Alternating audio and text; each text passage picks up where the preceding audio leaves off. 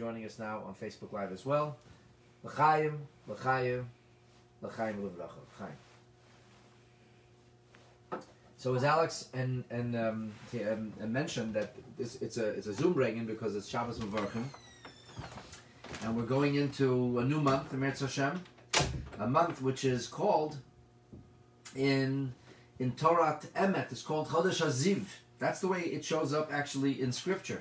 It's called the month of radiance, and and this is uh, this takes us to a very interesting statement that's made in the Gemara in Masechet Rosh Hashanah on page 11, side A, somewhere right in the middle of the page, the Gemara says that there's a dispute as to when the Avot, when the patriarchs were born. All right, sorry, I'm just gonna make a little bit of a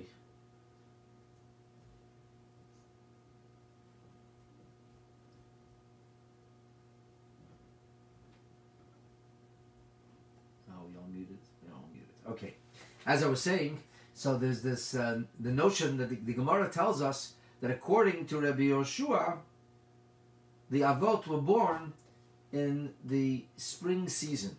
The Gemara says, and I quote Rabbi Shua Emer, Minayin sheben Nisan neldu avos. How do we know that the patriarchs were born in the month of Nisan? We know that Yitzchak, the second patriarch, was born on Nisan. He's born on the day, in fact, the exact moment that the Jewish people left Mitzrayim. How do we know the patriarchs are born? So, a verse is quoted from the book of Kings. It says, "Vayhi b'shmeinim shana va'arba me'as shana l'tzeis b'nei Yisrael me'eretz Mitzrayim v'shana haravias b'chodesh zu." And so the book of Kings says, and it's in the first tome, Malachim Aleph, in the eighth chapter. It says that it was 480 years an anniversary from the Jewish people's going out of Mitzrayim in the month of Ziv. And the Gemara interprets this notion, month of Ziv, as B'yerech Shenel Dubai Ziv Sanei Olam. It's the month that the radiant ones, those who illuminated the world, were born. Ziv Sanei Olam. Now, of course, this is a, a problem because Rashi says B'chedesh Ziv is Iyarhu. He says that's Iyar. That's that's what it's referred to. But the problem is it says Noel Dubai Beiziv Sana Elam. So Rashi says Kisin Chadesh Ir Noel du Kvar Ben Nisan. So the the inherent problem here is that it says they were born in Nisan, but Ir is the month of Ziv. So what does it mean? So he says, well, if they were born in the month of Nisan, so that when we came to the month of Iyar, they were already, so to speak, in this world. Interestingly, the, the Rambam's teacher, Rabbeinu Yosef ibn Migash, sees this uh, statement in the Talmud as so contradictory that he has no resolution to it. The Rebbe is very, very disturbed by it. However, you see that Rashi kind of is able to gloss over it. He says they were born at the end of the month of Nisan. We may not have the exact date, and it's the spring season. It's the spring season. The Tosfos, Tosfos Yeshanim says the emphasis here is on the spring season, where Nisan spills over into Iyar. The Ritva interprets it similarly. And the point is this then. This is a month in which light is given to the world. And the light that we speak about is not only the sunlight or longer days, it's not only the return of greenery and flowers that are blossoming or trees that are blooming, but it actually refers to spiritual light. That's really the deeper message that's encoded into the Gemara here. The Rebbe once spoke about this Gemara. I believe it was was in 1984, and he said something fascinating. He said the word olam, which means world, is a permutation for the terminology of helam, of concealment. And he says that the zivsane olam means those who radiated, those who could illuminate, those who could lessen the darkness of helam, of concealment of Hashem's presence. So we're going into a month in which we're empowered, really ever since the beginning of Jewish history, to lighten or illuminate, make less dense that notion, that idea of Hashem's concealment. So it's not just a, physical about about, about physical uh, restoration of, of, of, of life and of, of uh, foliage, of flowers and and, uh, and and of spring, the spring rebirth, but actually this is reflective of a deeper spiritual truth, and that should be inspiring. It should be inspiring for us. This is what we should be looking forward to.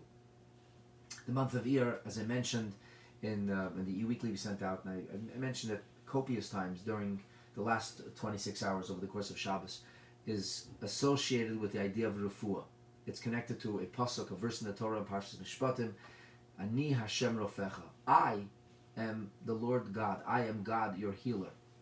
And the Rebbe once asked that it says Ani Hashem Rofecha. Hashem is spelled Yud Ke Vav. So Ani Aleph, and then a Yud for Yud Ke Vav or the ineffable name of God. Rofecha with a Resh. It's Iyar with one Yud, but Iyar in fact is written with two Yuds. The Rebbe said a very interesting thing. The name Yud Ke Vav the ineffable name of God, is oftentimes associated with the name Adnai. I'm mispronouncing that purposely. But that's the, the name we use in our blessings. In today's day and age, when we pronounce Hashem's name, that's how we pronounce Hashem's name. We don't say the name Yud Kevavke, the ineffable name, the name we can't pronounce. We use the shame Aleph Dalad Nun Yud. Now Yud Kevavke begins with a Yud, and Adnai ends with a Yud. So the Yud Yud represents kind of the bookends of the name of Hashem, the primary name of Hashem, the name Yud Vovke, the name Adnai, and and that's Ani Hashem Refecha.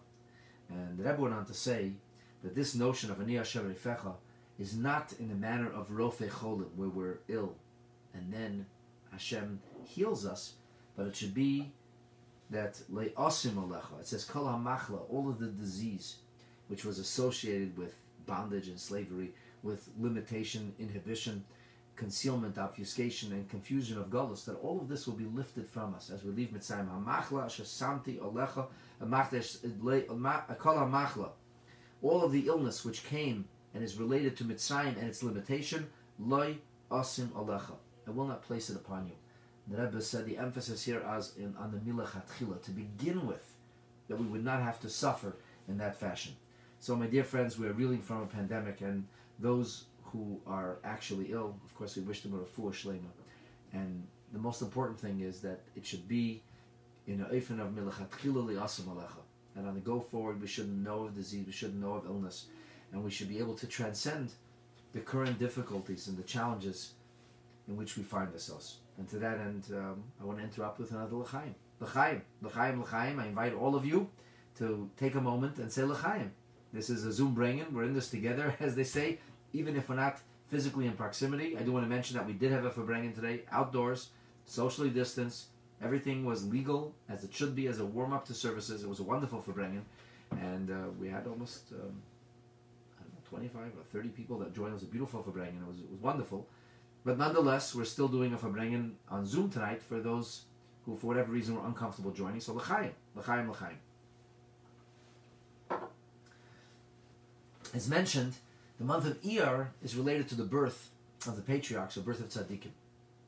And in our Chabad community, we celebrate Beis Iyar, the second day of Iyar, as the birth date of the Rebbe Maharash, of the fourth Rebbe in the Chabad Lubavitch dynasty, who was born on the second day of Iyar on Beis Iyar. In the Sefer HaToldos that was compiled by the Rebbe, there's an emphasis on the Rebbe Maharash being born exactly 100 years from the passing of the Baal Shem Tov, and that he was born on the day that corresponds in the way that it follows the, the order of the Sfirot corresponding to the counting of the Omer.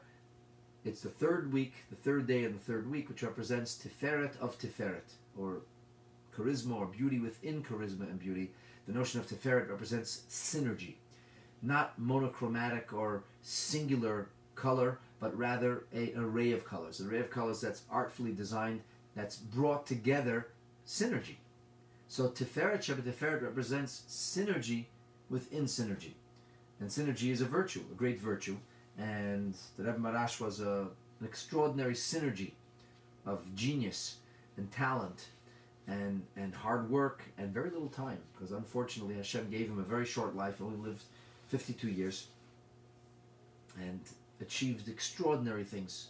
The Maimorim of, of the Rebbe Maharash, which we have relative to the teachings of the other Rebbeim of Chabad, a relative small amount, the Rebbe says, although that be, be bekamos, in quantitatively is a small amount of Maimorim, be'echos, one can see the incredible profundity and the enormous volume on a qualitative level. So I want to share a story of the Rebbe Maharash in honor of his upcoming anniversary of his birth. You know that once tzaddikim are born and come into this world, they remain with us forever. And this particular story, I think, also is, let's just say, it's somewhat connected to our, our current circumstance or how we should view the reality that we face today. So the story is told that there was a chassid, I don't know his name. He was born in the city of Polotsk. Now, Polotsk was a city in, in White Russia, and it was a city, there was a lot of Yiddishkeit in the city of Polotsk. So it was a, many, many shuls, two yeshivot. It was a very vibrant city from a Jewish perspective. And this was a, a, a chassid who was born in a, a very vibrant milieu of Yiddishkeit. And he grows up, and the vocation that he chooses, I guess he was gifted or talented with his hands, he becomes a silversmith. So he works with precious metals, and he also became a a, a watch a watch repair person, person who repaired watches. So you know he had able to work with very fine things. Like I said, probably very talented, gifted with his hands. And this chassid ends up leaving the city of his birth, Polotsk, and he ends up moving deep east into Russia proper, where there was a much smaller Jewish community. Most of the Jewish people lived more or less on the on the western border of Russia, bordering Lithuania and Poland. The, the further you went east, the less densely populated it was Jewishly.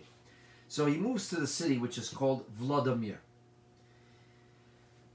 He comes to the this chassid is a chassid of the Rebbe Maharash of Rebbe, Rebbe Shmuel, the, the fourth Rebbe. And he comes to the Rebbe, and the Rebbe asks him, "Do you have opportunity to teach Torah in a public fashion? Do you have a kviyat itim? Do you have a time set aside for for teaching Torah to people in, in a public way?" So the chassid begins to say to the Rebbe, he says, I, I study. I have a period of study where, I study Torah myself on a daily basis. And he says, um, I also, I ended up becoming the Balkora and I, I really prepare, I want to do it right, to read the Torah right. So it takes me a lot of time to prepare the weekly Kriya, the Torah reading each week. And and that's because there's, there's just nobody else to do it. So it kind of fell in my lap. And then he begins to tell the Rebbe, he says, you know, Vladimir is not exactly a flourishing city from a Torah perspective. He said, most of the Jewish people living there are very ignorant. They're, they're very uh, unrefined from a spiritual perspective. They're illiterate. They, most of them can barely read Hebrew. Most of them can't even daven, he says. I mean, the crowd that comes to Shul, and it's not much of a crowd, most of these people barely are able just to answer Amen.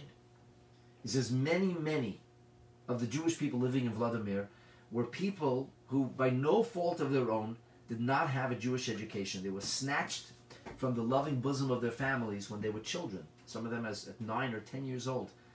They were snatched by the Russian imperial government, by the Tsarist government, and conscripted into the Tsar's army. This was a terrible decree that Nikolai, Yamach Shemo, uh, had in, brought against the Jewish people, where the, the every Jewish community was required to, so to speak, provide a number of young boys who would become part of the Russian army, part of the Tsar's Cossacks, and and they were persecuted terribly as Jews within the Tsar's army, but they were conscripted forcibly for a period of 25 years. Now, you think about this. You're a boy kidnapped at the age of 10.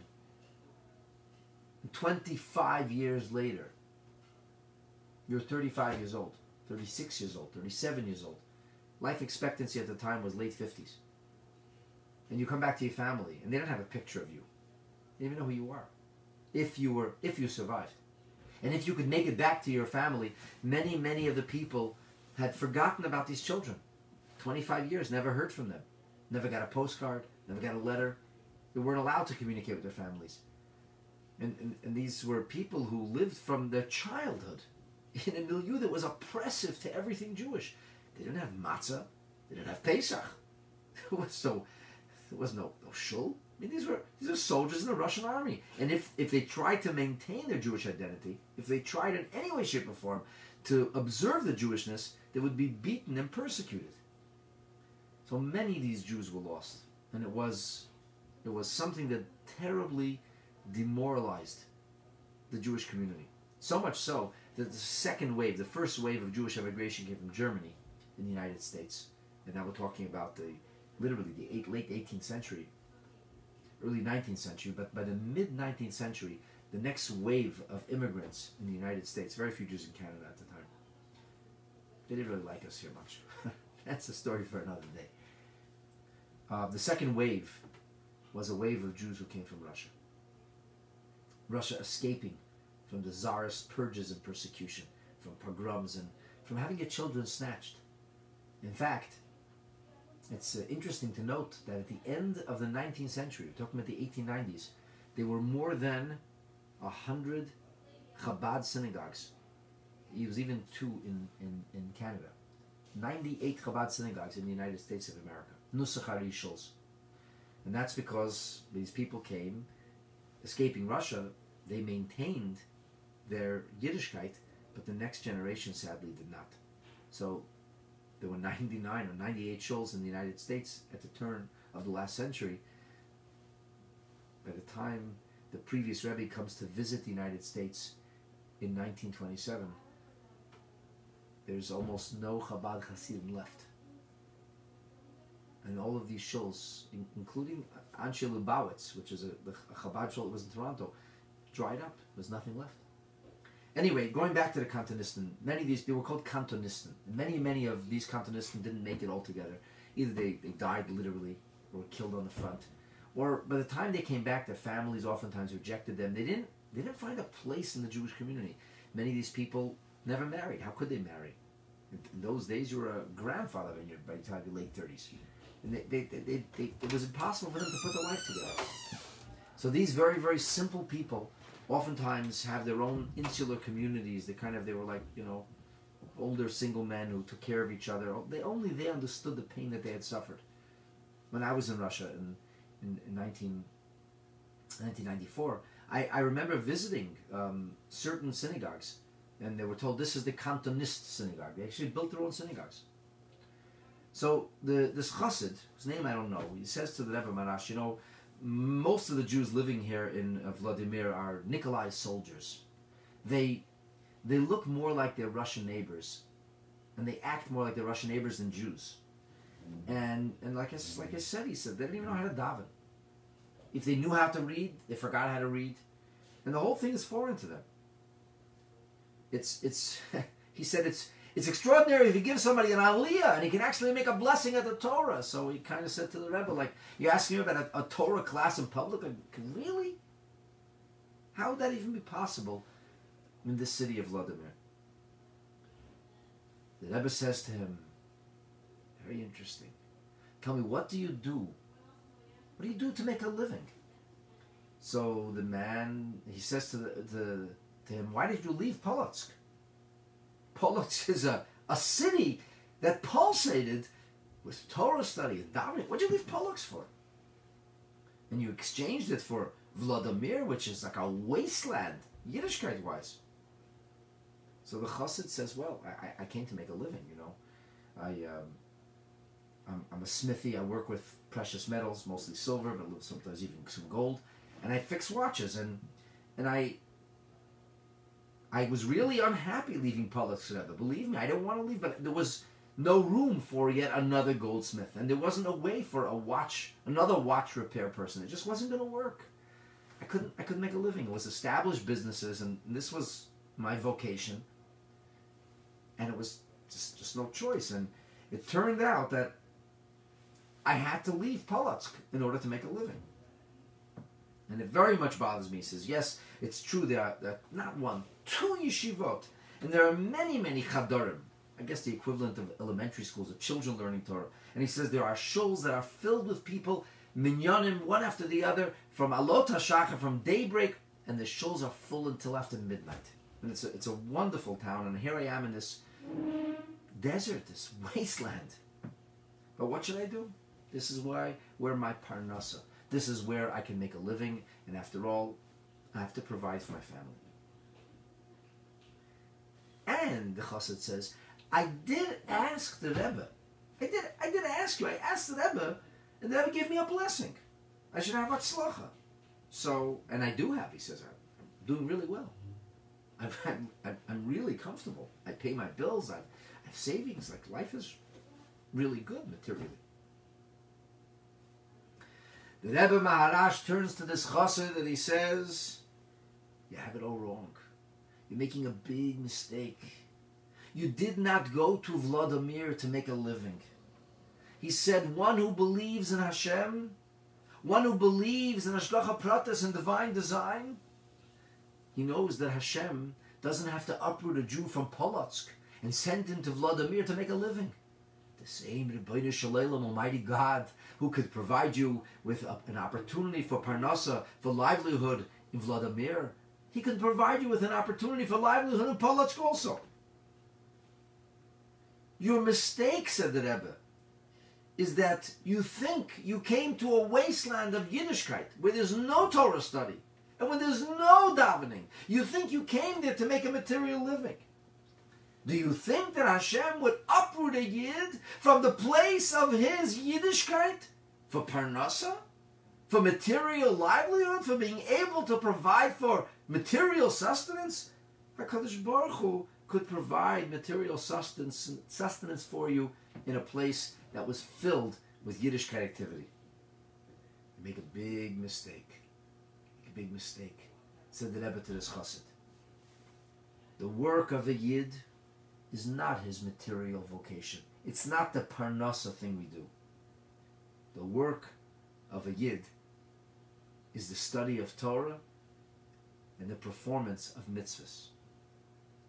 Hakadosh Baruch Hu brought you to live amongst simple, but still sincere and beautiful yidden who don't have a background of Yiddishkeit, Nikolai soldiers, as you call them so that you should teach them Torah, so that you should implant within their hearts a sense of passion and fervor and enthusiasm for Yiddishkeit, so that you should educate them and raise their level of literacy. Do you think he said a Jew is taken from his place for Parnasa? Somebody who believes that said that Rebbe Maharash is miktane amona, is lacking in, in his faith. His faith is weak. The truth is that HaKadosh Baruch Hu, the Almighty, is Neisen Lechem L'chol Basar. Almighty God provides sustenance for every one of us. Almighty God provides that sustenance. We just make the vessel. what difference, said the Rebbe, for Hashem is there between Polotsk and Vladimir? I did bless you. You should have success, said the Rebbe. However, my blessing is only effective when something's done about it. The success I blessed you with was not only about material welfare. I blessed you with success in promulgating Yiddishkeit in transfer, transforming the city of Vladimir, making it a place of Torah and mitzvahs. I blessed you with success, but you need to make the efforts. That's the story as it's documented in one of the previous Rebbe's letters. And, and if, I, if I may, by the way, I interrupted L'chaim, L'chaim, L'chaim, everybody. Do you think, do you think that we happen to be alive in Canada in Toronto at this time, at this moment in history, do you think it's an accident? You think it's just like, well, stuff happens? Do, do you really think for a moment that the lockdown that we're living in and stay at home order is by mistake? Hashem put us here, my friends. We were put here by Hashgacha Pratis. Every one of us has a different narrative, a different story. It's not because we're here to make a living. It's not because we couldn't find somewhere else to be. It's because we all have a spiritual mission. HaKadosh Baruch Hu loves each and every one of us. And the Ribbono Shel Olam Almighty God gave us a personal task. And He gave us the wherewithal that we need to fulfill that task. Our task, of course, is to bring Mashiach. We are living on the threshold of a transformative era, a time where illness will be a, a distant memory, a time where deprivation, lack, or loss will be something people will reminisce about, perhaps. This wonderful new time, the coming of Mashiach, is going to represent plenty in every area so that we shall lack not, not even have any sense of competition of jealousy in material matters. But our focus in Eretz Hashem will be Ladasas Hashem. And now we need to prepare for that era by enhancing our level of Torah literacy, especially by learning about Mashiach, which gives us a sense of fervor and passion for what we anticipate, by trying to do our mitzvahs more beautifully, by trying to influence somebody else, because, you know, someday, maybe today, somebody's mitzvah is going to weigh that scale down. Imagine how lucky we could be, how fortunate if it would be our mitzvah or somebody we inspired. We're not here for Parnasa Gashmi. We're here because we have a mission for Parnasa Ruchni. So, l'chaim to each of you. The Abishter, Almighty God, should give us the strength, the wisdom, the courage, and the stamina to continue to soldier on. As I talked about this morning in my uh, in my sermon about the idea of Shir Hamalot, that we should be able to sing even in a time where you find yourself inundated with challenges because you know that just over the mountain there's good things in the offing and that every Yerida is Letzerich Aliyah. Every time we take a step backwards, it's only for an appropriate ascent that's going to follow. And Meretz Hashem, hopefully, by being properly able to look at things, by, by being properly mindful and understanding what life's really all about and how we should really view our circumstances, that will be Zeicha, will merit Meretz Hashem, even before the Chodesh of Ziv comes, even before the Chodesh of Radiance comes, that the Helem Vehester, that the concealment that obfuscates and confuses, that darkles and disables us from seeing the presence of Hashem, will disappear in a moment. Like when the lights are turned on and the darkness just automatically is gone. And we should be zeicha to welcome Mashiach and to greet the new era, a new reality. Know Hashem, so to speak, face to face and eye to eye, as it says in the words of our prophets, B'mheida will be Amenu, Amen, L'chaim, L'chaim. I wish you all a Shavua Tov, a beautiful new week. I wish you a Chodesh Tov, blessings for a wonderful new month, and I look forward to Meretz Hashem for us to be able to meet face to face, in person, not only in Shul, but in the Beis Hamikdash Hashlishi, Bimheira will be Amenu, Amen. Thank you everybody for joining. For those who are those who are who are not showing your face, say l'chaim anyway. everybody should say l'chaim. Chaim l'chaim. Moshe, please come turn off the. Shavua Tov, everybody. L'chaim. Take care. Leon